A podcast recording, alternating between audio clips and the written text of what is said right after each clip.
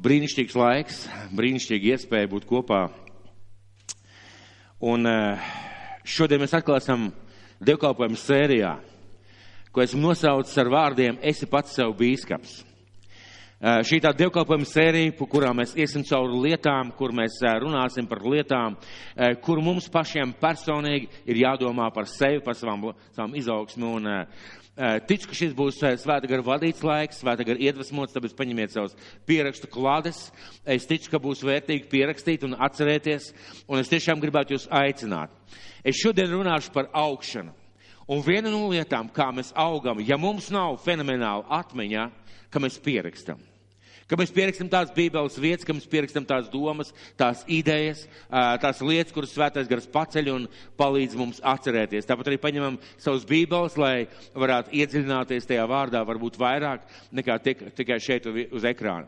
Un pirmām kārtām es gribētu teikt, mēs nesludinām šeit un nesludināsim. Uh, pašveidošanās kaut kādu teoriju vai pašveidošanās mācību vai sevis pilnveidošanas mācību. Mēs sludinām Jēzu Kristu krustā sisto. Mēs sludinām Jēzu Kristu krustā sisto viņa mācību, svētā gar darbību. Mēs sludinām Dievu valstību ar spēku nākam. Mēs sludinām, ka Dievu valstībā ik viens cilvēks var ieiet un ieiet stiprs un svētīts un var augt un veidoties un pilnveidoties. Un to mūsu svētais gars arī aicina. Dievu vārds aicina, Jēzus aicināja un svētais gars mūs šodien aicina. Un vispirms dažas lietas, ko es vēlētos atkārtot priekš tiem cilvēkiem, kas nav noklausījušies vai pagājušajā nav bijuši, lai ir vairāk skaidrības. Tiem, kas tāda nedzirdēja, tiem, kas varbūt nesaprata, par ko mēs pagājušajā reizē sākām sarunu, es gribētu nedaudz atgādināt iepriekšējo vārdu. Un mēs pagājušajā reizē runājām par to, par šo te sprediķu sēriju, jeb dievkalpojumu sēriju, esi pats sev bīskaps. Un eh, varbūt kādam radās šaubas, neskaidrība vai neizpratne, kāpēc tā, kāpēc tādā veidā. Uh, no kurienes nāk vārds, vispirms vārds bīskaps? Kāpēc bīskaps, no kurienes nāk vārds bīskaps?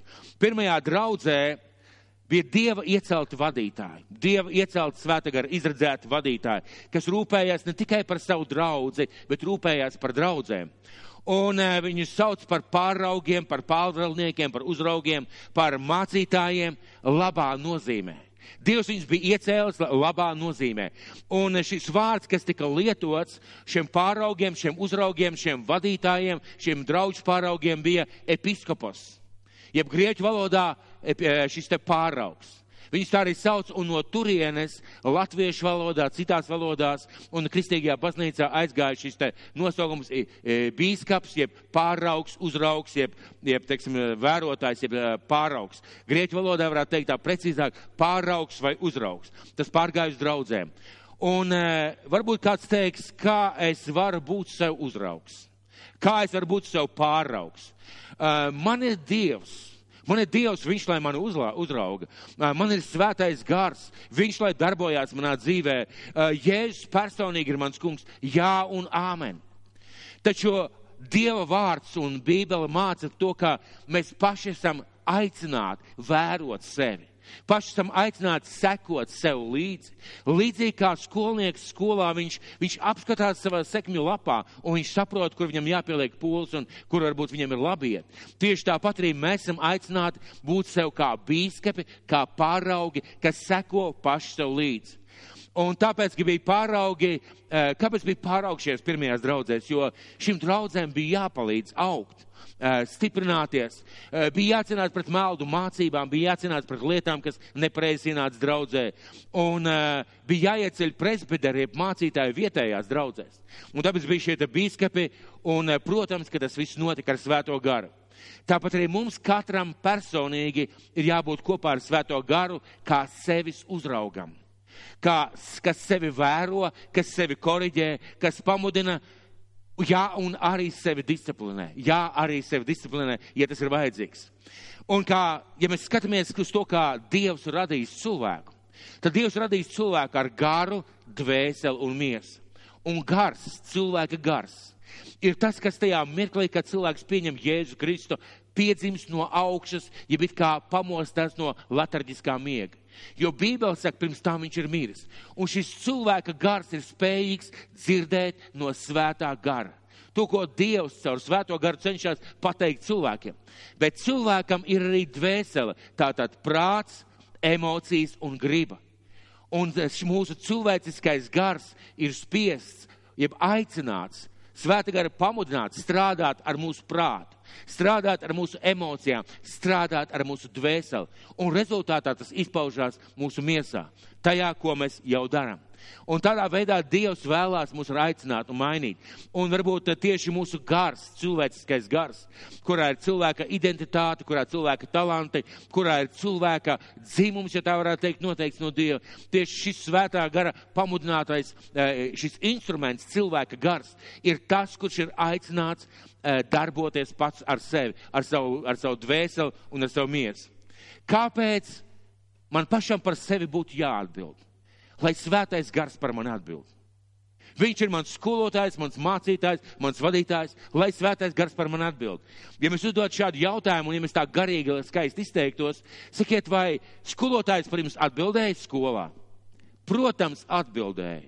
Lai mācītu, lai skolotu, lai mācītos, vai viņš atbildēja par jūsu sekmēm. Nē, par to atbildējām mēs paši. Uh, lai mācītājs atbild. Viņš ir ieliks draudzē, lai strādātu ar mani, bet mācītājs ir ieliks, lai mācītu un palīdzētu cilvēkam sagatavoties kalpošanai, lai palīdzētu cilvēkam augt. Un ja cilvēks pats to nedara vai nevēlās, mācītājs var darīt, ko viņš grib. Nekas nemainīsies. Nekas nemainīsies un nekas neizmainīsies cilvēku. Lai draudze atbild, Jā, mums ir Dieva dota atbildība mācītājiem, biskupiem, draudzēji. Jā, ir Dieva dota atbildība, bet pirmā un svarīgākā atbildība eh, par savu dzīvi ir man pašam. Ir man pašam.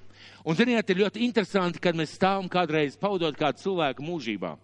Un tad ir divas lietas, ko, ko mums vajadzētu saprast, ka vai mācītājs var runāt, vai tas cilvēks, kas pavada runāt no sirds, patiešām, pa īstam, kā tas cilvēks dzīvē bija, vai viņš ir spiests kaut ko noklusēt, apstādināt, nepateikt, vai vienkārši spiests dot kādas cerības, kurām reizēm pat varbūt nav pamata. Kāpēc? Jo tieši tas cilvēks aizgāja mūžībā. Tieši tas cilvēks pārkāpa pār šo mūžības slieksni. Tieši viņš ir aizgājis pie Dieva un saņem uh, maksu, jeb, teiksim, atlīdzību, jeb, jeb algu par to, ko viņš ir darījis un kā viņš ir dzīvojis. Un arī mūsu dzīvē, arī šeit, šajā dzīvē, pirms mūžības, mēs bieži vien saņemam algu par to, ko mēs darām, kā mēs darām, kāpēc mēs darām. Un tad ir mūsu personīgā atbildība par mūsu dzīvi, par to, ko mēs darām, par to, kā veidojam savu dzīvi. Un mums ir dota atbildība redzēt savu dzīvi no malas. Reizēm mēs sakām, mēs paši nepazīstam sevi, bet, ziniet, laikam nav neviena cita cilvēka, kas labāk redz mūsu pašus kā sevi. Un Bībele saka, ka neviens nevar izprast cilvēka garu kā vienīgi cilvēku, kā vienīgi cilvēka gars.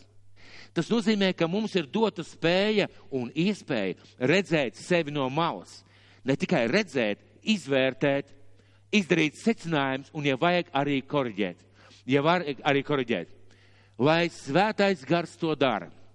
Esmu dzirdējis bezgalīgi daudzas reizes, lai svētais gars ar mani strādā, kad es kavēju regulāri. Lai svētais gars ar mani strādā, kad es varbūt neturu savu vārdu. Lai svētais gars ar mani strādā, kad es varbūt nelasu bībeli. Lai svētais gars dara to, svētais gars to dara bet tā vienmēr ir vieglā atbilde, noveļot savu atbildību uz svēto garu. Svētais gars darīs savu darbu. Mums ir jāņem atbildību uz savu daļu. Tad par tām lietām, kas ir mūsu dzīvē. Un mums pašiem sev vajadzētu būt biskupiem. Tādā labā nozīmē. Es gribētu jūs izaicināt uz kādu darbību. Vai mēs šodien varētu eh, pie sevis tā klusi nobubināt? Es esmu pats sev bīskaps. Šajā nozīmē. Es esmu pats sev bīskaps. Tas nozīmē, ka mēs uzņemamies atbildību par sevi. Un tas eh, absolūti nenozīmē, un nenozīmē, un nenozīmēs kaut kāda veida uh, kaut kāda veidā norāda uz to, ka mēs ignorējam garīgās autoritātes, kuras Dievs ir ielicis. Ka mēs kaut kādā veidā norobežamies no savas vadības vai kā nepakļaujamies, vai ka mēs kaut kādā veidā uh, nonicinām tos vadītājus, kurus ir ielicis Dievs mūsu dzīvē, šos garīgos vadītājus draudzē vai apvienībā. Mums viņi ir vajadzīgi, lai viņi redzētu mūsu no malas. Ne tikai mēs paši, bet mūs redzētu no malas. Mums ir vajadzīga šī palīdzība no ārienes. Un tās ir Dieva rūpes un svētība. Bet pirmām kārtām man ir vajadzīgi skatīties pašam uz savi, man personīgi. Tātad šodien vārds šajā, šajā sērijā, es pats esmu bīskaps, nozīmē kopā ar svēto garu, pēc svēta gara atklāsmēm, vērot pašam sevi, izvērtēt sevi, korģēt pašam sevi un vadīt pašam sevi kopā ar svēto garu. Kopā ar svēto garu un svēto garu vadībā. Un tikai pašam, protams, baudīt pēc tam tos augļus, ko atnes mana dzīve kopā ar Dievu. Un šajā dievkalpojuma sērijā esi pats sev bīskaps, es šodien dal vēlos dalīties ar vārdu, kas ar mani nesakrāja, tas izskais. Kas ar mani nesakrāja, tas izskais. Un es vēlos runāt par šo garīgo principu, jeb patiesību, ka atti, kas, kas attiecībās ar Dievu, mūsu garīgajā dzīvē, mūsu kalpošanas dzīvē un arī mūsu personīgajā dzīvē nav tādas taisnas līnijas, kā mēs reizēm iedomājamies. Nav tādas taisnas līnijas, es vienkārši dzīvoju, un viss pamazām notiek, viss kārtojās, viss veidojās, un es pamazām it kā au, eju uz priekšu. Ir vai nu attīstība, un paklausieties mani, nav tādas līnijas. Ir vai nu attīstība, vai mēs attīstamies, vai mēs degradējamies. Kāpēc to tā droši var apgalvot, jo to Jēzus skaidri pateica. Vai nu mēs savā garīgajā dzīvē, savā kalpošanā, savā personīgajā dzīvē, vai nu mēs augām, vai nu mēs ejam uz leju, degradējamies. Uh, un, ziniet, ir vai nu augšana, vai nu sakalšana. Vai nu tas augs mūsu dzīvē, mēs paši augam, attīstamies, plaukstam, nesam augļus, vai mēs novīstam un pamazām, uh, pamazām sakalstam. Nav tādas vienas taisnas līnijas, ko mēs reizēm iedomājamies. Un Jēzus sirds. Vienreiz gribētu vērsties pie viena šajā zālē. Jēzus sirds ir, lai mēs augtu. Viņš nomira, lai samaksātu par mūsu grēkiem, bet lai mēs nepaliktu tajā vietā, esmu izglābts, esmu atpestīts, un tagad es vienkārši gaidu mūžīgo dzīvību. Mēs gaidām mūžīgo dzīvību, bet, mīļie, mēs dzīvojam šajā laikā. Šajā dzīvē mums ir uzdevums nest Dieva evaņģēliju šajā pasaulē. Mums ir uzdevums veidot savus ģimenes, mums ir uzdevums nest Dieva gaismu šajā pasaulē. Un mums ir vajadzīga šī personīgā vēlēšanās augt, attīstīties. Tā ir Jēzus sirds un svētais gars. Ja mēs lasām Bībelē, mēs saprotam svētā gara darbību, mēs redzam, ka viņš ir tas, kas nepārtraukti darbojās mūsu dzīvē, kā skolotājs, kā vadītājs, kā mācītājs, lai mēs augtu, lai mēs attīstītos, lai mēs pilnveidotos, lai mēs saņemtu Dieva atklāsmes, vairāk saprast un vairāk piedzīvot. Tā ir Dieva sirds un svētā gara darbs mūsu dzīvē. Un Dieva vārds, Bībele, Dieva vārds tik daudz māca par mācīšanos. Sakiet, vai Salmans ir bijis gudrākais cilvēks uz uh, zemeslodes, uh, zem, uz mūsu zemeslodes? Bībelē saka, ka bija gudrākais cilvēks uz pasaules. Pareizi? Vai gudram cilvēkam vēl vajag mācīties un augt? Salmans nepārtraukti teica, meklējiet gudrību. Vesela nodaļa ir veltīta gudrībai. Meklējiet gudrību, rociet pēc gudrības, sauciet, taujājiet, vaicājiet, Un, kad mēs skatāmies uz viņa dzīvi, jā, viņš nobeidza nepareizi, bet liela daļa viņa dzīves bija meklējumi, meklējumi pēc gudrības. Un tas tas, ko Dievs vēlās mums iemācīt un pateikt, varbūt caur viņa piemēru. Tātad Dievvvārds vēlās, lai mēs augam. Un pirms mēs lasām Jēzus vārdus, kurus viņš, kuros viņš nodefinēja šo garīgo principu, es vēlos parādīt kādu līdzību, kas ļoti skaidri un spilgti attēlo šo, šo, šos Jēzus vārdus. Iedomāsimies, tas ir cilvēks. Tā ir tenisa bumbiņa, tas ir cilvēks. Un cilvēks, piemēram, piedzīvo Jēzu Kristu un ir viens mirklis, viens mirklis viņa dzīvē, kad mainās viņa dzīves virziens. Viņš ir, piemēram, šeit, un tad Dievs viņu kā skubina augt, un viņš iet uz augšu. Vienā mirklī, ja viņš neturpina iet uz augšu, skatieties, kas notiek. Viņš aug, Un ja, ta, un ja, mēs, ja mēs lēnām uzliktu šo te, šo te nofilmētu un lēnām uzliktu uz ekrānu, mēs ieraudzītu, ka ir viens mirklis, kad bumbiņa apstājās. Un viņa nepaliek turpat. Viņa nepaliek tajā vietā. Viņa sāk ripot atpakaļ. Patiesībā tā ir šī garīgā līdzība par mūsu dzīvi. Ja mēs apstājamies augt, ja mēs apstājamies iet uz augšu, vienā mirklī mēs sākam ripot atpakaļ. Un kāds teiks, Nu, tā ir tāda paviegla bumbiņa.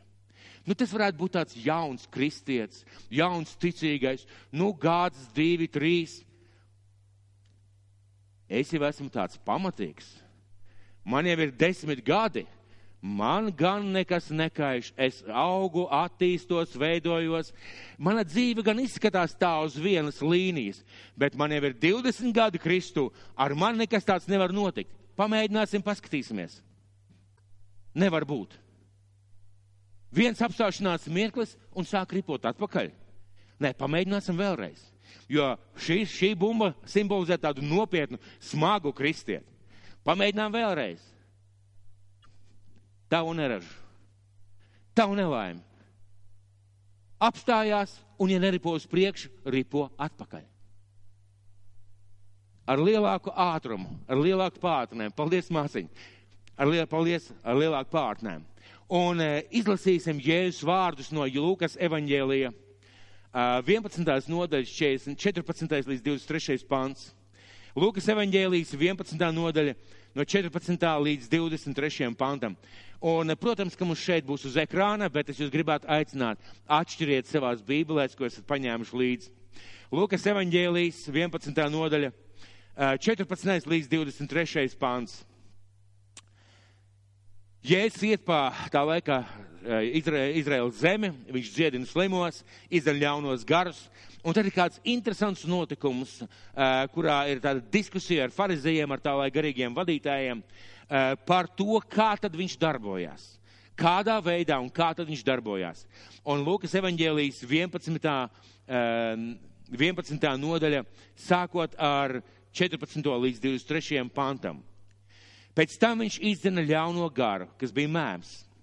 Kad nu ļaunais gars bija izgājis, tad mēmais sāk runāt un ļaudis brīnījās.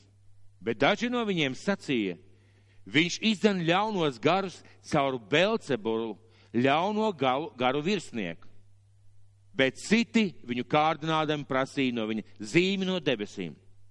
Bet viņš nopratis viņu domas, sacīja, ik viena valsts kas savā iekšienē sašķelta, aiziet postā, un tur nams uz nama grūst. Ja nu sātans ar sevi ir naidā, kā tad viņa valstība pastāvēs? Jo jūs sakāt, ka es ļaunos garus izdzentu caur Belcebulu. Bet ja es ļauno garu izdzentu caur Belcebulu, caur ko tad jūsu bērni tos izdzen? Tāpēc viņi jūs būs, būs jūsu tiesātāji. Bet ja es ļaunos garus izdzenu ar Dievu pirkstu, tad jau Dieva valstība pie jums ir atnākusi. Kad stiprais apbruņojies savā namā pilī, viņa īpašums paliek mierā. Bet, kad kāds par viņu stiprāks nāk un to uzvar, tad tas paņem viņa bruņas, uz kurām tas paļāvās, un izdala viņa, viņam atņemto mantojumu. Tik tālu. Šeit ir komentārs. Komentārs ir sakojošs: Jēzus izdziedina ļauno garu apstāstu cilvēku. Un šie farizēji, šie garīgie vadītāji, viņi, viņi neatrodot atbildības, kaudības mākt, viņi saka, viņš izdzer šos ļaunos garus caur ļauno galu pavēlnieku. Un ja es oponēju un saka, nav iespējams, ka vēlns izdzītu vēlnu.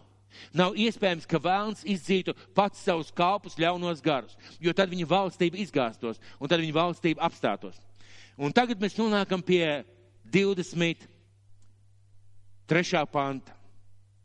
23. pāns ārkārtīgi svarīgs. Un par to mēs šie, par šo pāntu mēs šodien runāsim.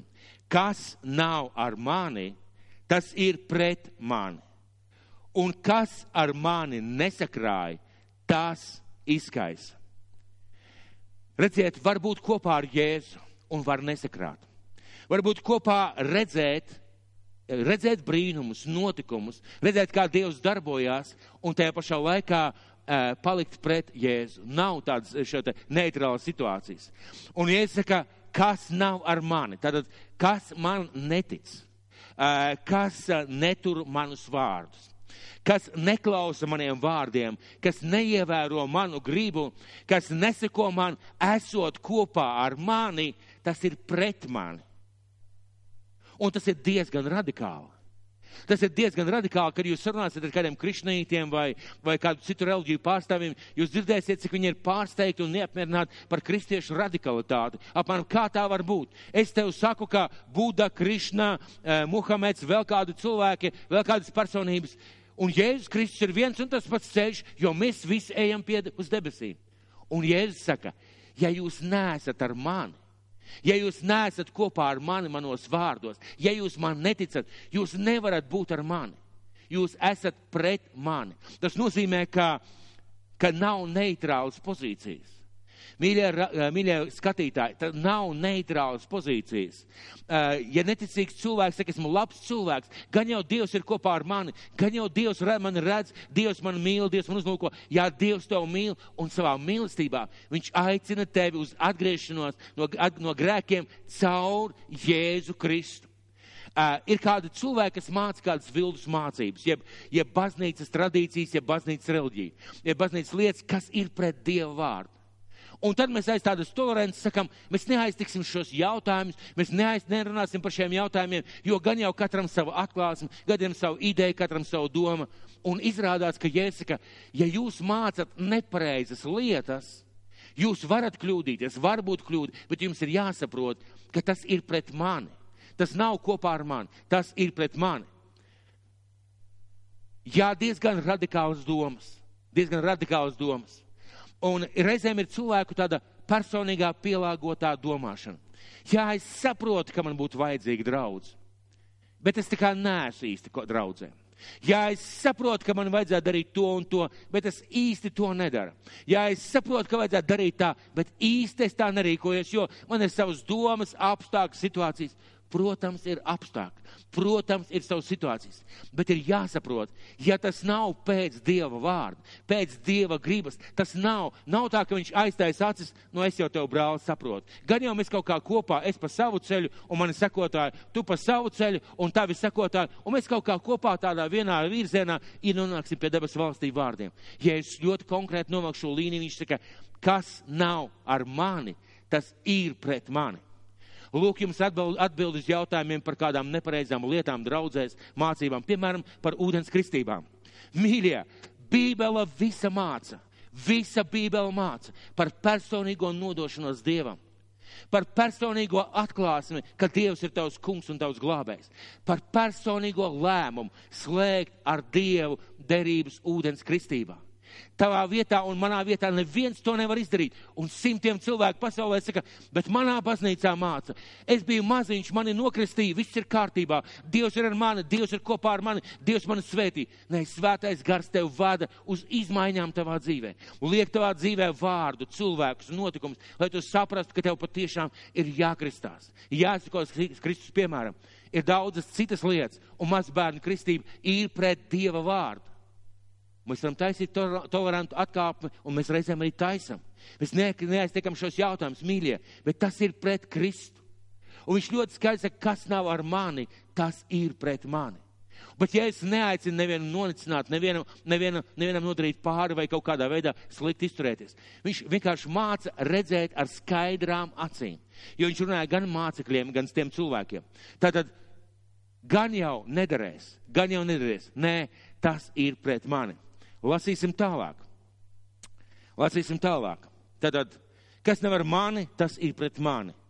Un kas ar mani nesakrāja, tas izskaisa. Kas ar mani nesakrāja, tas izskaisa. Ko nozīmē šie vārdi? Kas ar mani neiet uz augšu, tas iet uz leju bez manis. Kas ar mani neaug, tas pamazām mirst kopā bez manis. Kas ar mani nesakrāja, tas izskais. Sāksim ar vārdiem. Mēģināsim šo garīgo principu paskatīties tā vārdu pa vārdam. Un šis te teikums, ko Jēzus pateica, kas ir šis garīgais princips, sākās ar vārdiem kas. Tad, kas nav ar mani? Kas? Vārds kas? Runa ir par personu. Runa ir par cilvēku personīgi par cilvēka personīgo atbildību. Jā, arī draudz kopumā, bet pilnīgi skaidri. Pirmām kārtām mēs katrs atbildēsim par sevi. Mēs katrs atbildēsim par sevi. Patīk man tā draudz vai nepatīk. Patīk man tas mācītājs vai nepatīk. Es pats personīgi atbildēšu par to, kā mana dzīve ir saskanējusi ar Dievu vārdu, Dieva gribu un Dieva aicinājumu manā dzīvē. Vai man tas patīk, vai man tas nepatīk. Un iesaka, kas? kas tad šī personīgā atbildība. Un es ļoti gribētu katru savu domu vai vārdu uh, pamatot ar Dievu vārdu, ar Bībeli, ar svētiem rakstiem, ar svēta gara atklāsmēm. Un pirmā vēstule korintiešiem, trešā nodaļa. Pirmā vēstule korintiešiem, trešā nodaļa no 10. līdz 15. panta. Pirmā vēstule korintiešiem, trešā nodaļa no 10. līdz 15. pantam. Pēc Dieva dotās žēlastības es, tātad Pāvils raksta šai vēstulē, šai vēstulē, vēstulē korintiešiem, viņš raksta par sevi un raksta tieši par šo personīgo atbildību. Pēc Dieva dotās žēlastības es, kā gudrs namdars, liku pamatu, bet cits ceļ uz tā ēku. Bet katrs, lai pielūko, kā viņš ceļ. Bet katrs, lai pielūko, kā viņš ceļ. Jo citu pamatu neviens nevar likt kā to, kas jau ir likts, proti Jēzus Kristus. Bet ja kas, atkal šis vārdiņš kas, ceļ uz šī pamata zeltu, sudrabu, dārgakmeņus, koku, sienu vai salmus, katra darbs tiks redzams, tiesas dienu to atklās. Jo tā parādīsies ar uguni, un kāds, kura darbs ir, to uguns pārbaudīs. Un ja kāda darbs, tātad šis te nams, kas ir šis nams? Mūsu garīgais nams, mūsu dzīve. Un ja kāda darbs, ko tas cēlis pastāvēs, tas dabūs algu. Ja kāda darbs sadegs, tam būs jācieš, bet viņš pats tiks izglābts, bet tā kā caur uguni. Atkal, Pāvils, svētā gara vadīts Vīrs, kurš piedzīvoja atklāsmes eh, septītajās debesīs. Vīrs, kurš satika Jēzu un personīgi runāja. Vīrs, kuram Dievs uzticēja vadīt, veidot un organizēt draudz. Vīrs, kura vārdi ir ierakstīti Bībelē ar zelta burtiem, ja tā varētu teikt. Viņš ir katrs pats, lai pielūko. Katrs pats, lai ceļ.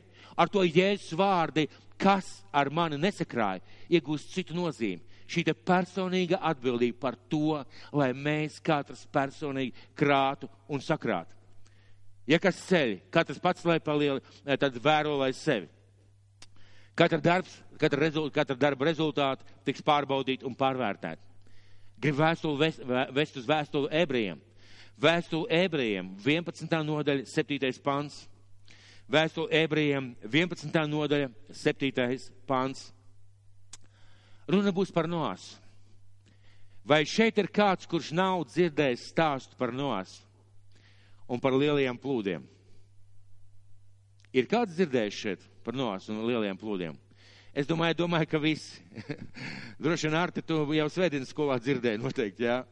Ik viens no mums jau dzirdēja svētdienas skolā, pareizi, jā. Un pat neticīgi cilvēki zina, un filma ir uzcelta, ne, uz, šeit uzņemta noās šķirst un tam līdzīgi runāsim par nos. Tātad vēstuli ebriem 11. nodaļa 7. pants. Ticības spēkā Noā, dievbijīgs būdams, saņēma dieva nora aizrādījumus attiecībā uz vēl neredzamo un savā gādībā uztaisīja šķirstu sava nama glābšanai. Un savā gādībā uztaisīja šķirstu sava nama glābšanai. Šeit es gribētu apstāties. Teologs saka, ka nos esot šķirstu cēlis apmēram simts gadus. Bet ziniet, ko nos šķirsts simbolizē? Tavu un manu dzīvi. Ja kādā mirklī nos būtu pārstājis celt, šis šķirs cēlās dienu no dienas, dienu no dienas, dienu no dienas viņš strādāja. Viņam vajadzēja daudz ticības, ka Dievs piepildīs savu vārdu, ka nāks plūdi. Viņam vajadzēja daudz ticības, ka Dievs izdarīs to, ko viņš bija solījis, un viņam nebija atbildes, kā dzīvnieks ejies šajā, šajā, šajā šķirstā. Viņam nebija atbildes, kā tas šķirsts peldēs. Viņam nebija daudzu, daudzu atbildes, bet viņš būvēja pamazām, pamazām solīti pa solītim. Un mēs zinām, ka tad nāca plūdi, un viņš paglābās šajā šķirstā. Šis nošķirsts simbolizē mūsu personīgo dzīvi ka mēs solīti pa solīti augam, ceļam, būvējam Dievā savu garīgo namu. Šī lieta atkal šī personīgā atbildība. Iesim uz otro vārdu, tad ar vārdu kas mēs esam tikuši skaidrībā. Iesim uz otro vārdu. Iesim uz otro vārdu šajā te, šajā Jēzus vārdos. Tātad, kas ar mani? Kas ar mani? Kas ar mani? Ar mani. Cilvēks, ar mani. Mēs nevaram sakrāt bez Jēzus. Mēs nevaram sakrāt bez Jēzus. Mums var likties, ka mēs varam sakrāt kaut ko, mums var likties, ka mēs kaut ko varam uzbūvēt. Mums var likties, ka mēs varam izveidot kādu stabilitāti, varam izveidot kādas lietas. Mums var likties mūsu pašu ceļš brīnišķīgs, lielisks, kolosāls, svētīts, ar stipriem pamatiem, ar labām lietām. Bet bez Jēzus mēs nevaram uzcelt. Mēs nevaram sakrāt bez Jēzus. Lai ko cilvēks krāj, lai kas tas būtu - nauda, cilvēki, mantas, attiecība, vara, nezinu, veselība, vienalga, kas tas arī nebūtu. Pēc Jēzus mēs nevaram sakrāt. Nav iespējams. Nav iespējams sakrāt bez Jēzus, bez viņa palīdzības. Ārpus Jēzus kāds iedomājās, esmu labs cilvēks. Esmu labs cilvēks. Es cenšos darīt labas lietas, un ir daudz pasaulē labu cilvēku. Un tiešām, mīļie, ir tik žēl skatīties, ka šie labie cilvēki, viņi būvē savu dzīvi no labiem darbiem.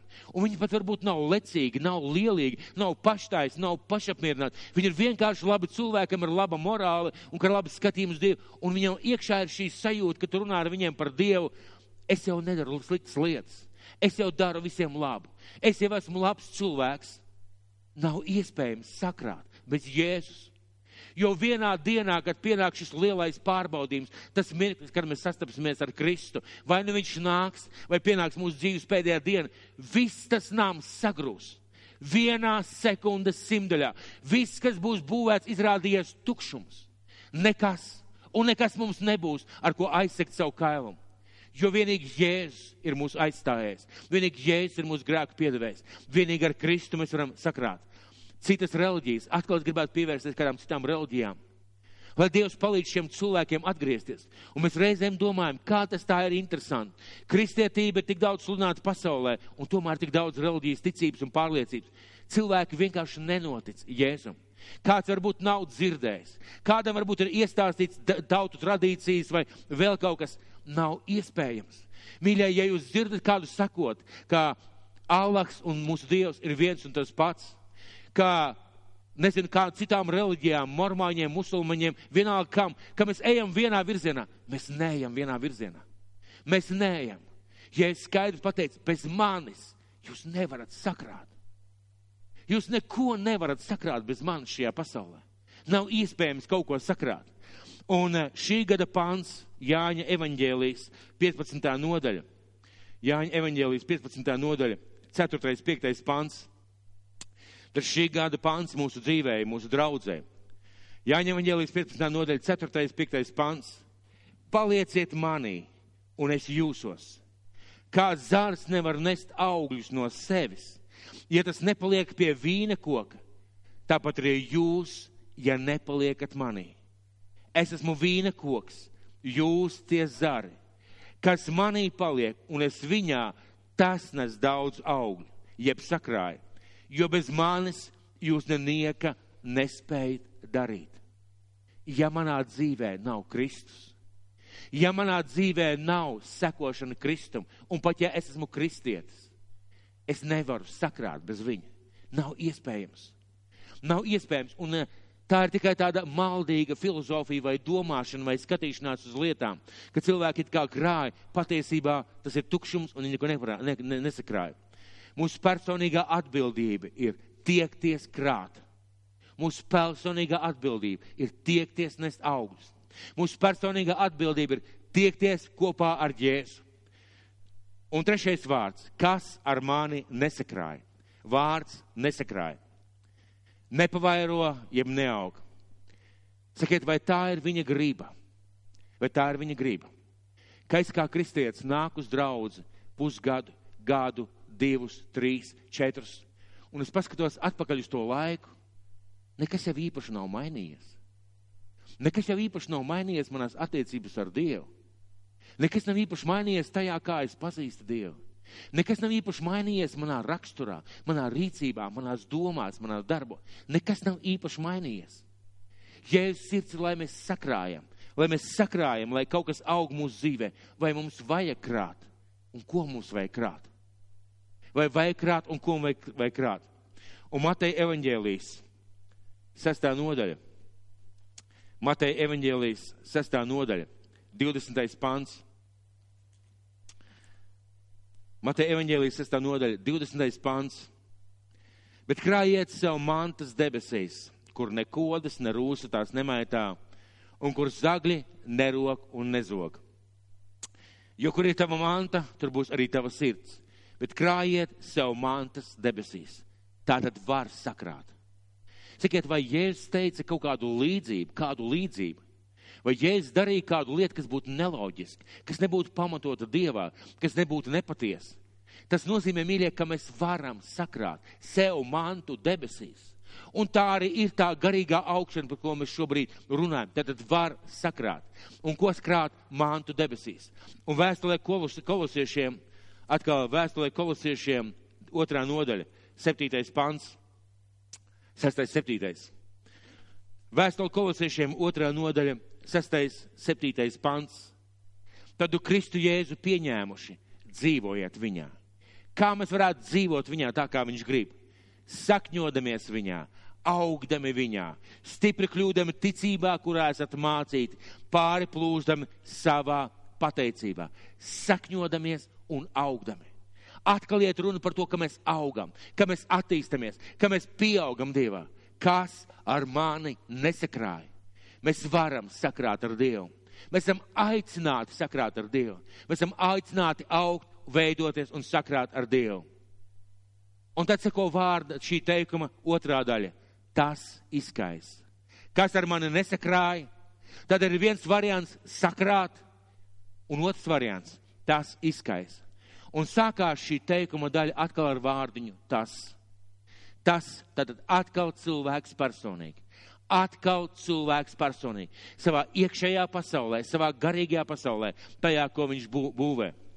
Izskais. Ko nozīmē tas izskais? Tad, kas ar mani nesakrāja, tas izskais. Ko nozīmē vārds izskais? Pazaudē, viņš degradējās, iet mazumā. Un es tagad nedaudz būšu tāds skeptiķis. Es nedaudz mēģināšu nospēlēt skeptiķi. Jāni, Nevar būt, es tev neticu. Es jau 20 gadus esmu kopā ar Kristu. Kā es kopā ar viņu varu nesakrāt? Nu, kā tā ir iespējams? Es 20 gadus ticu Kristum, vai ir iespējams, ka es neko neesmu sakrājis, vai ļoti maz sakrājis? Es eju uz baznīcu, kad varu. Es uh, lasu Bībeli, šādi tad. Es lūdzu, šad tad un kalpoju šad tad. Un es dzīvoju tādu mērenu, lēzenu, skaistu, plūstošu kristiešu dzīvi. Tu man Jāni nestāsti. Nestāsti man Jāni, ka kopā ar Jēzu esot, ticot Jēzum, es varu nesakrāt. Jēzus ļoti skaidri pateica, kas ar mani nesakrāja, tas kopā ar mani izkais. Tikai viņš bez manis izkais. Esot it kā kopā ar mani, viņš izkais. Un tur ir tā lielā atslēga, jeb lielais moments, ka mēs varam vai nu krāt, vai izkaisīt. Mēs esam redzējuši daudz cilvēku, kas viļās Dievā, jeb aiziet no Dieva, aiziet no draudzes, aiziet no kalpošanām. Kāpēc? Ne tāpēc, ka varbūt draudze bija slikta. Ne tāpēc, ka svētais gars nerunāja viņa dzīvē. Vienkārši tāpēc, ka viņš nekrāja. Viņam nebija iekšā šī attīstītā mehānisma. Viņš pats sevi nevēroja, viņš nekrāja un vienā mirklī tu sajūties tukšs, iztukšots, un kāda tad ticība ir jēga? Tu tici Jēzum, bet tu esi tukšs. Tev nekā nav. Un tad vienkāršākais iemesls ir aiziet no dieva no draudzes vai kādu sākt vainot. Justies vīlušamies un piemānītam un tukšam. Ja cilvēks apzināti nekrāja ar Jēzu, Viņš bet, je, bez Jēzus, bet esot tajā pašā vietā izkais. Redziet, es jums rādīju šo līdzību. Paņemsim šo nopietno, smago, nopietno kristieti. Lai cik viņš ir smags, lai cik viņš ir nopietns, viņš iet uz augšu un vienā mirklī, ja viņš neturpina krāt, viņš apstājās un sāk ripot atpakaļ. Viņš apstājās un sāk riko, ripot atpakaļ. Ko saka Dieva vārds? Un Dievvvārds nekļūdās. Vai var, esot ar Dievu, nesakrāt? Esot draudzē, nesakrāt? Esot ar Kristu, vai var nesakrāt? Vai tas ir iespējams? Un skatīsimies Mateja evaņģēliju 25. nodaļa, Mateja evaņģēlijas, 21. 5. nodaļa, 1. līdz 12. pants. Varbūt kāds zina, par ko tur ir rakstīts. Par desmit skaistām, sapucētām, līgavām, līgavas stērpām. Zinat šo līdzību, Jēzus stāsta, un mēs šodien izlasīsim šo līdzību un pārdomāsim. Tad 25. nodaļa Mateja evaņģēlijas no 1. līdz 12. pantam. Un, ja es saku stāstu šo līdzību, tad debesu valstī būs līdzīgi desmit jaunavām, kas ņēma savus lukturus un izgāja līgavainim pretīm.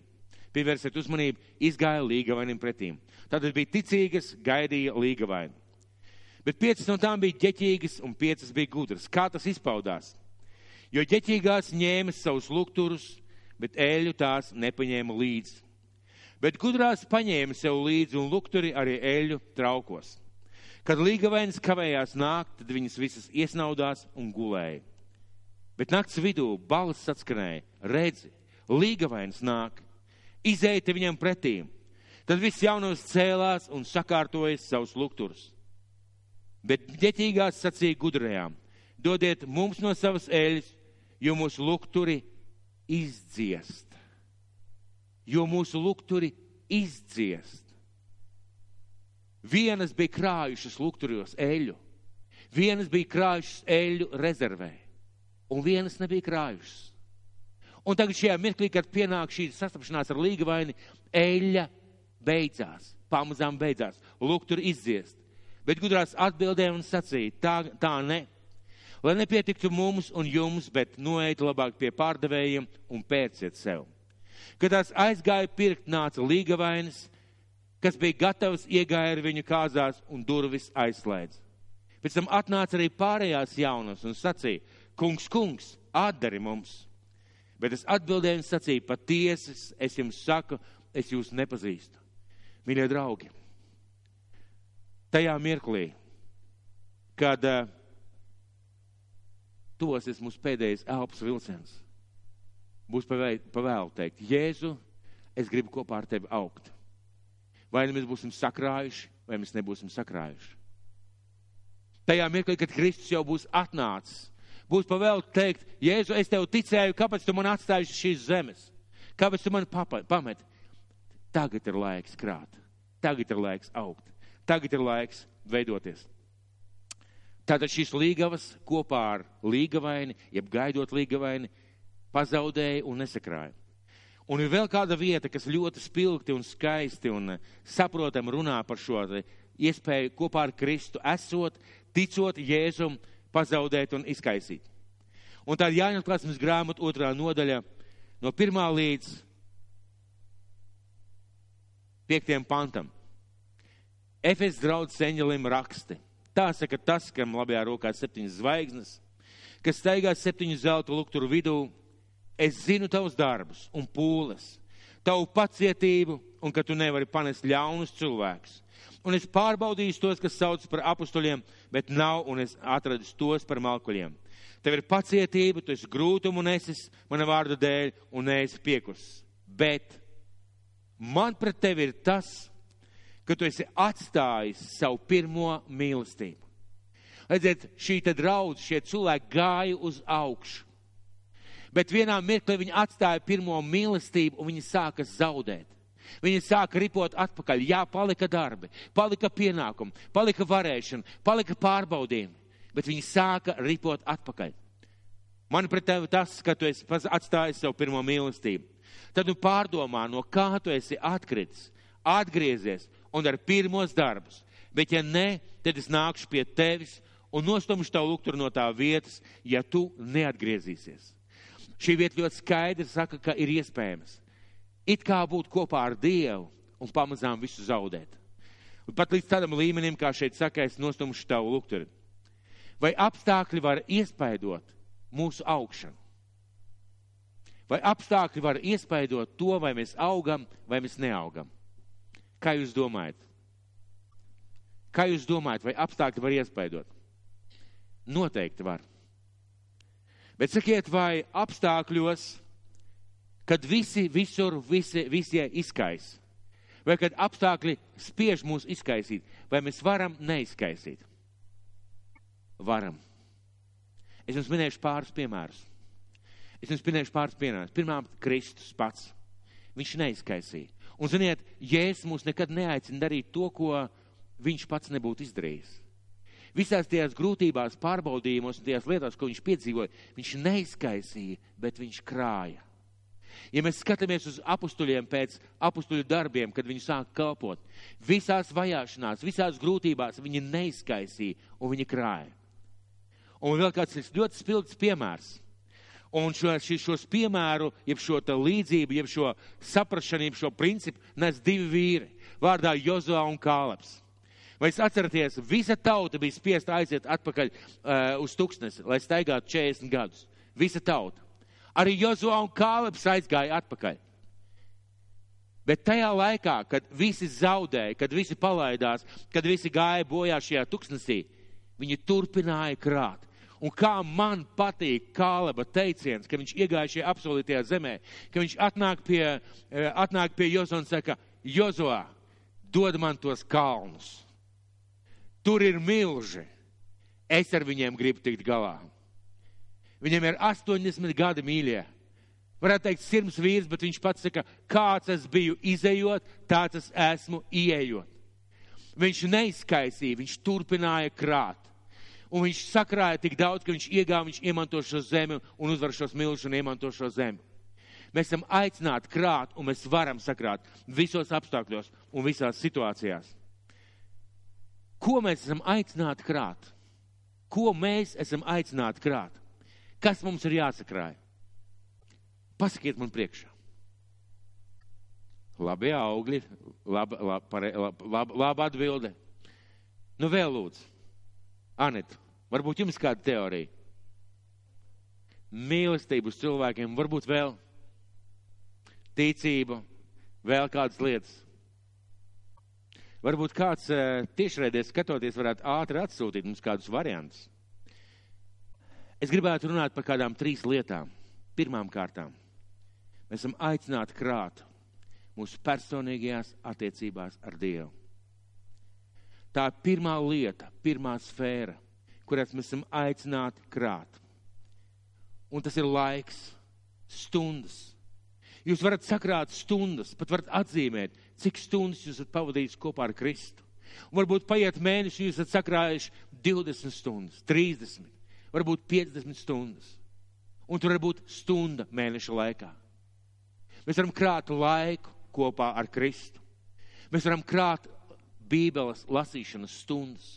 Un nevis vienkārši stundu, bet studijas. Ziniet, students, ja viņš grib labi mācīties, viņš studē. Viņš nelasa mācību grāmatas, viņš studē, viņš iedziļinās. Mēs varam zināmā mērā sakrāt šīs zināšanas, šo bagāžu, studējot Dievu vārdu. Mēs varam sakrāt lūkšanas. Bībelē saka, ka lūkšanas ir kā, ir kā tāds ūdens, ko mēs krājam kādā traukā. Un ja šis trauks ir pilns, šis trauks tiek apgāsts un Dievs izlēj pār zemi un dod šo atbildi. Mēs varam sakrāt mūsu lūkšanas Dievu priekšā. Un mēs varam sakrāt Dieva klātbūtni. Mēs varam sakrāt Dieva vadību. Ziniet, kā vajadzētu būt. Tiešām tā vajadzētu būt. Esmu daudz runājis par, šo, par šiem trīs stāvokļiem Dievu priekšā. Par pagalmu, svēto vietu un vissvētāko vietu. Mēs varam sakrāt šo spēju, iegūt šo spēju, būt svētā gara vadītiem. Tas nenotiek vienā dienā. Tas nenotiek vienā mēnesī, pat varbūt vienā gadā. Kad mēs esam jūtīgi pret svēto garu, jūtīgi pret viņu darbību mūsu dzīvē, pret viņu vārdu. Kad mēs saņemam šīs atklātas, mēs kļūstam svētā gara vadīti. Mēs varam šīs lietas krāt. Ot, vēl kāda lieta, ko mēs varam krāt šajās attiecībās uz Dievu. Kristīgās mācības.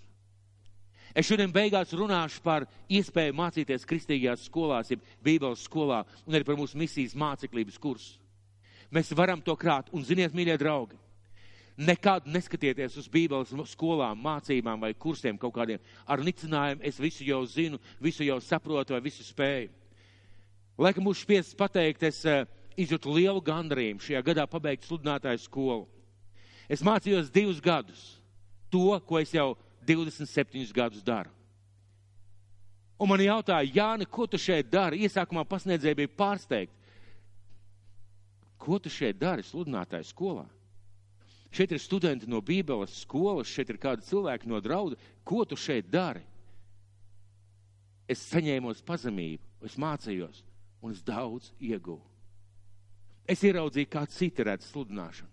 Es ieraudzīju, kā citi veidzot dievkalpojumus. Es ieraudzīju šos garīgos principus, jeb praktiskos principus, kā citi redz.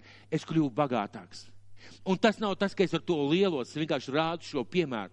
Bībeles skolas, institūti, vēl kādas lietas, nekad nenoliciniet. Jo to mācoties, to lasot, jūs iegūstat lietas, kuras varbūt citādi nevarētu iegūt. Uh, Bībeles grāmatas, mīļie. Ir daudz cilvēku, kuri izklausās ārkārtīgi garīgi. Ziniet, kā tas izklausās? Es nelasu neko citu, kā tikai Bībeli. Un mums pārējiem, kuri lasa Bībeli un kādas grāmatas, rodās, tas nu gan ir Dieva vīrs. Bet ziniet ko? Dievs runā uz cilvēkiem par kādām specifiskām lietām. Dievs cilvēkiem dod atklāsmes kādās specifiskās lietās. Dieva cilvēkiem, Dieva vīriem. Un viņi ar jums varētu padalīties ar šo atklāsmi aci pret aci. Bet viņi uzraksta grāmatu, lai padalītos ar visu pasauli, ar savu, savu atklāsmi, jeb šo Dieva darbu savā dzīvē. Un kad es lasu šo grāmatu, es nelasu vienkārši par to grāmatu vai par to cilvēku, es lasu par Dievu šī cilvēka dzīvē. Es lasu par to, kā Dievs, kā svētais gars šim cilvēkam kaut ko ir atklājis. Un tas nav garīga izpausme, es lasu tikai Bībeli. Šis cilvēks nav sapratis, ka Dievs strādā daudzkārt un dažādi un tu varētu saukt pat par tādu zināmu lepnību. Lasa Bībeli, bet lasi grāmatas par Dievu vārdu, lasi grāmatas, mācies, domā, ej uz priekšu. Ir cilvēki, kas aiziet uz kādiem semināriem vai konferencēm vai uz kādiem pasākumiem draudzē, pat tā nedarot fiziski, bet ar tādu attieksmi. Nu, kas tad būs? Nu, nekas jau nebūs. Un ziniet, esot tajā telpā kopā ar Kristu, Viņi, viņi nevis aug, bet viņi izkaisa. Kādēļ? Attieksmes dēļ.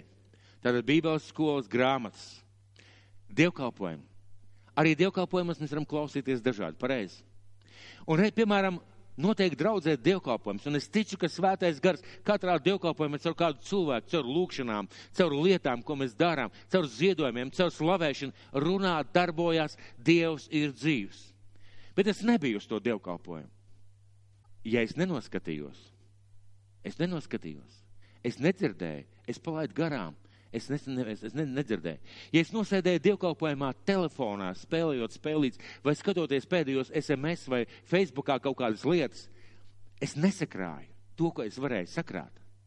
Un, mīļie vecāki, mēs šobrīd būvējam un taisam un, un veidojam bērnu telpu otrā stāvā būs paplašinātā bērnu telpa, lai, bērniem, lai vecākiem ar maziem bērniem būtu iespēja skatīties uh, dievkalpojumu tur augšā, iespējami dzirdēt, iespējami darboties arī ar bērniņiem un pieskatīt savus bērniņus. Un ziniet, kas ir nelaime bērnu istabās? Vecāki runā par visu, tikai viņi neklausās dievkalpojumu. Ir kolosāls tusiņš bērnu pieskatīšanai Tikai pēc dievkalpojuma pajautā, par ko bija dievkalpojums. A, par ko bija dievkalpojums? Nē, nu es īsti nedzirdēju, es īsti neredzu. Man tā sanāca. Noklausies. Ja tu neredzēji tur, noklausies. Bērnu telpa ir domāta izcili un viennozīmīgi, lai jūs varētu piedalīties dievkalpojumā kopā ar savu bērniņu, skatoties, piedaloties to iespēju robežās, kas ir. Un, ja vajag, noklausieties un atkārtojiet vēlreiz. Tad šī ir viena, viena lieta. Tad mūsu personīgajās attiecībās ar Dievu. Otrā lieta - mūsu personīgajā rakstura izmaiņās. Mūsu personīgā rakstura izmaiņās. Kā to, kā, kā sēt, kā krāt mūsu personīgajās attiecībās, jeb šī personīgajās rakstura izmaiņās. Pirmā lieta - atrodiet Bībelē. Kad jūs lasat Bībeli, atrodiet par raksturu. Vienkārši atrodiet tās vietas par raksturu. Atrodiet tās vietas par mīlestību. Piemēram, jauniem cilvēkiem, un piedodieties tā minēšu, ir tendence nesveicināties vai nebūt īpaši laipniem. Arī pieaugušiem daudziem tā ir. Bet Bībele saka, mīlestība ir laipna. Mīlestība ir laipna, jeb pieklājīga. Mīlestība ir, un mēs tālāk varam lasīt veselu sarakstu. Mēs varam lasīt Bībelē par tām rakstura īpašībām, pie kurām mums ir jāstrādā, un redzot šīs īpašības. Paldies Tev milzīgi sarmīt par šī garīgā, par šī pandēmijas laika garīgo treniņu nometni. Es ticu, ka cilvēki lietoja, un ja nelietoja, mīļie, paskatiet atpakaļ savus WhatsApp uh, grupas, kur jūs, kur jūs skaidrīt sūtīja, un Egija pārsūtīja šīs te uh, garīgās uh, pandēmijas laika garīgo treniņu nometni. Brīnišķīgi, lieliski, kā strādāt ar sevi kā strādāt ar sevi, ar savu raksturu. Tātad Bībelē var lasīt, var strādāt, var lūgt, var meklēt. Otrā lieta, kā mēs varam sēt savā raksturā, ieraudzīt sevi ikdienā, attiecībās ar cilvēkiem un attiecībās pret lietām, ko mēs darām. Novērot un nenobāzt zem sedziņas. Es tāds esmu. Es tāds vienmēr esmu. Man tā vienmēr sanāk, nenobāzt zem sedziņas. Analizē un strādā pie sevis analizē un strādā pie sevis. Ja mēs šodien pajautātu, vai jūsu dzīvē ir kaut kādas lietas jūsu raksturā, ko vajadzētu mainīt, es domāju, mēs te paceltu visu rokas, pareizi. Bet kāpēc mēs nestrādājam pie tā? Mēs kaut kā plūstam, bet nestrādājam pie tā. Un mēs nesakrājam to, ko mēs varētu sakrāt. Tātad attiecībās, savā personīgajā rakstura izmaiņās. Un mūsu kalpošanā. Trešā lieta, mūsu kalpošanā Kristum svaidījumā un savā atbildībā. Mēs varam sakrāt mūsu kalpošanā Kristum, svaidībā un, svaidījumā un atbildībā. Mācoties kalpot labāk. Mācoties kalpot labāk ar to dāvanu, kas man ir dota. Mācoties kalpot draudzē, draudzes cilvēkiem, tajās vajadzībās, kas mums ir. Nepaliekot tajā pašā stāvoklī, kur mēs bijām. Ja mēs pagājušajā teiksim, gadā, piemēram, taisījām, taisījām, piemēram, frikadeļu zupu ar dilēm, Ilona, izcila zupa, vienmēr garšojas. Varbūt pamēģinām ar dilēm un spinātiem. Varbūt pamēģinām ar dilēm un makaroniem. Es nezinu. Katrā kalpošanā, katrā lietā, ko mēs darām Dievam, mēs varam augt. Vārdu rādīšanā, tiešraidē, slavēšanā, aizlūkšanā par cilvēkiem. Mēs esam aicināti krāt arī mūsu kalpošanā cilvēkiem un Dievam. Augt augtajās lietās, un es personīgi nesaprotu. Es tiešām nesaprotu, es tiešām nesaprotu. Piedodiet, ja esmu tāds nes, nesapraša, kā var cilvēks piecus gadus būt Kristu Dievā un nezināt, kāds ir viņa aicinājums. Kā tā var būt, ka cilvēks piecus gadus Dievā un draudzē un neko nedara vai neko nopietni nedara? Nav iesaisties nekādā kalpošanā. Kā tā var būt? Tas nozīmē, ka cilvēks vienkārši iet pa tādu plato un viņam liekas, ka viss ir kārtībā. Patiesībā, īstenībā, patiesībā viņš ripo pamazām atpakaļ. Ripo pamazām atpakaļ. Tad mūsu kalpošanā, augt savās dāvanās, mācoties evanģelizēt, mācoties runāt ar cilvēkiem par Dievu valstību, sludināt cilvēkiem. Šīs trijās lietās. Un noteikti ir vēl kaut kas, ko mēs varam mācīties. Un labā ziņa ir tā, ka tas pats par sevi neatnāk. Un vēl labākā ziņa tā, ka tas var atnākt. Ja Jēzus teica, kas ar mani nesakrāja, tas nozīmē, ka var sakrāt. Mīļie, jebkuros apstākļos, jebkurās situācijās var krāt, var sakrāt, var sakrāt. Bet man, kā šim te biskupam pār savu dzīvi, ir jāskatās, jāanalizē, jādomā un jādomā, kā to darīt. Tas par sevi neatnāk. Un eh, domājot par šo dievkalpojumu, es, es ieraudzīju tādu iekšēju garīgu atsperi. Es ieraudzīju, ka mums iekšā visiem no Dieva ielikt tāda iekšēja garīga atspere. Un šai atspērēji zināmā mērā vajadzētu būt lielākoties tādā uzvilktā stāvoklī, kas mūs dzēn augt. Un mums pašiem jāskatās sevi šī atspēra, jāpētī, kas ir ar šo atspēru vai man ir vēlēšanās augt, vai es vēlos mācīties, vai es vēlos saprast, vai es vēlos eh, mainīt savu dzīvi, mainīt tās lietas, ko es daru. Vērot šo iekšējo atspēru. Ziniet, kādreiz bija tādi modinātāji ar atspēru uzvalkam. Tagad pārsvarā ir baterijas, pareizi. Kas notika, kad šīs te pulkstenis beidzās un eh, kad izskanēja pēdējais tikšķis? Atsperi vajadzēja uzvilkt, pareizi. Mīļie, mums bieži vien vajag uzvilkt šo atsperi. Šī atspere ir mūsos ielikta no Dieva pie radīšanas. Kad mēs piedzimām, kad mūsu gars savienojās ar Dieva garu, kad mēs piedzimām Dieva ģimenē, šī atspere tika uzvilkta, lai mēs augtu. Parādījās šīs slāpes, parādījās šī vēlēšanās augt, un tad ir kādi apstākļi, notikumi. Varbūt cilvēki, varbūt lietas, kas mūs nobremzē un apstādina. Mīļā, uzvilksim šīs atsperes. Vērosim šo atsperu sevi, lai uzvilktu. Un ziniet, vēl gan atspere, jo var jau sevi ar mokām vilkt, vai ne? Ziniet, tu velc to atsperi sevi, viņa tā īk, īk, īk, un īsti negribās pareizi. Es gribētu aicināt, attīstīsim sevi šo augšanas prieku. Attīstīsim sevi šo augšanas prieku, ka līdz ko ir kāds svētā gara pieskāriens, ka mēs kā baravikas, kā bekas izsprāgstam no zemes un izaugam, kā sēnes pēc lietus. Attīstīsim sevi šo vēlēšanos, šo augšanas prieku, augt Dievā, augt savā aicinājumā, augt attiecībās ar Dievu. Tas ir tas, ko debes Tēvs mums vēlās. Kā ieraudzīt? Kā ieraudzīt, vai es augu, vai es neaugu? Pirmām kārtām, droši vien jābūt godīgam pret sevi. Pirmām kārtām jābūt godīgam pret sevi. Cik tev vienalga, cik tev ir gadu Kristu vai cik tev ir gadu, teiksim, vispār, esi godīgs pret sevi. Un ja tu saproti, ka tu esi šajā punktā apstājies, un pilnīgi noteikti, ka ir sākus ripošanās, atp ripošana atpakaļ, pa, uzvelt šo atsperi un palaid sevi. Un ja es domāju par mūsu dzīvi, pilnīgi viennozīmīgi, es domāju, ka nevienam cilvēkam nav tikai ceļš uz augšu. Es domāju, ka mūsu dzīve ir tādiem zigzagiem, bet viņi pamazām iet uz augšu. Ar tādiem zigzagiem, bet viņi pamazām iet uz augšu. Jo tā atspēra var apstāties, apstākļi var būt tādi, ka mēs ripojam, apstājamies, bet tad vajag jaunu spērienu jaunu spērienu, ka mēs ejam uz augšu, ka mēs attīstamies, ka mēs veidojamies. Tātad pirmām kārtām esi godīgs pret sevi. Un otrām kārtām paskaties uz savas dzīves augļiem. Un šeit puszāle sāk smieties, puszāle sāk raudāt. Jūs nesapratāt manu joku. Bieži vien cilvēki šeit sāk sevi vainot.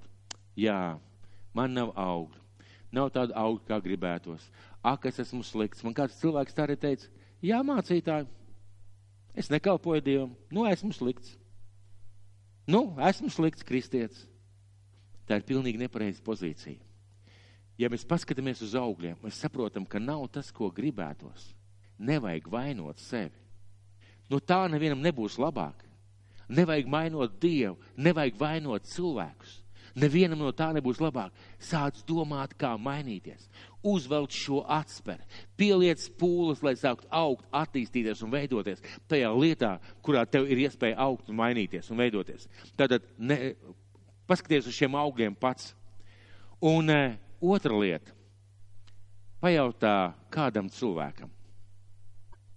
Jums noteikti visiem ir kādi pazīstami kristieši. Ja? Artim, piemēram, blakus sāk sieva līga, man arī, kur ir Sandra, vēl cilvēki, kuriem noteikti ir otrās pusītes vai, vai, vai, vai kādi mīļi brāļi māsas draudzē. Un kā būtu, ja es palūgtu šīs nedēļas laikā mums visiem apjosties ar pazemību un uztaisīt tādu nelielu testu savā dzīvē un pajautāt tam cilvēkam, kādās lietās esmu apstājies, neaugu, un kādās lietās man vajadzētu augt. Kā ir ar maniem augļiem? Kā jūs domājat? Un, ziniet, nesāksim taisnoties, jo parasti tam sekot taisnošanās. Jā, bet saproti pats, saproti pati. Pajautājiet saviem tuviniekiem, saviem mīļajiem, saviem brāļiem, māsām, draudzē, kuri vairāk jūs pazūst. Pajautājiet, kas ir tas, kā kurās lietās man vajadzētu sākt augt, kur esmu apstājies, kur nav laba augļa. Vai mēs varētu sarunāt, ka mēs šīs nedēļas laikā to izdarīsim? Vai kāds ir gatavs to pamēģināt izdarīt? Un zālē iestājās kapa klusums. Pamēģinam, mīļie, to izdarīt. Pamēģinam to izdarīt. Un ticiet vai nē, kaut kādā ziņā mēs jau būsim auguši. Mēs uzzināsim kaut ko godīgi, pajautājiet, kas ir tas, ka tev manā dzīvē, kas nav pareizs, kā tu redzi kas ir tās nepareizās lietas, un, ziniet, nepaliksim pie šiem atbildēm. Bet paņemsim Bībeli un varbūt palūksim Dievu. Dievs, tu dzirdēji šīs lietas, ko par mani pateici. Kā man mainīties? Kā man mainīties? Ko man darīt, Dievs, ko man darīt, ko man lasīt, kādā veidā man izturēties, lai es mainītos šajā ziņā. Un es nākušajā nedēļā gribētu jūs aicināt uz šo lietu. Un mēs sāksim jaunu sezonu. Mēs sāksim šajā gadā jaunu sezonu. Un Dievs mums draudzē devi šo fantastisko iespēju caur mūsu draudz izveidot, novadīt, attīstīt šo deviņu mēnešu projektu misijas māceklības kursus, kuries runa par personīgo augšanu, par personīgo evanģelizāciju, par mājas grupu dibināšanu un vadīšanu, par skatījumu uz draudzi, par bībeles lasīšanu, par lūkšanām. Un es gribētu jūs aicināt, mīļie, domāsim par šo kursu kā par izaicinājumu uz nākošo gadu uz nākušo gadu līdz jūnija mēnesim mūsu draudzē. Šīs mācības notiks vienreiz mēnesī sestdienā. Viņas būs gan internetā, gan šeit tieši teikšu klātienē. Paņemam šo kursu kā izaicinājumu savai dzīvei. Un es arī mūsu paziņojumos paziņošu arī kādas lietas par Bībeles skolām. Mīļie draugi, ja es skaidri pateicu, es vēlreiz gribētu izlasīt šo izcilo, fenomenālo, brīnišķīgo uh, vārdu, ko, ar ko Jēzus dalījās daudz tūkstošus gadus atpakaļ, 2000 gadus atpakaļ. Kas ar manā var mani, tas ir pret mani. Un kas ar mani nesakrāja, tas izkaisa. Paņemsim šo vārdu. Paņemsim šo vārdu kā tādu iekšēju, iekšēju saņemšanos, iekšēju sajūtu Dievā. Domājiet par šo augšanas un krāšanas prieku un domājiet, par šo atsperi. Mūsos visos iekšā ir šī atspera. Neviens nav apdalīts. Kādam varbūt ir ierūsējusi, kādam varbūt neuzvilkt, kādam varbūt jau ir kaut kur aizķērusies. Visiem ir. Lai debes tēvs mūs svētī.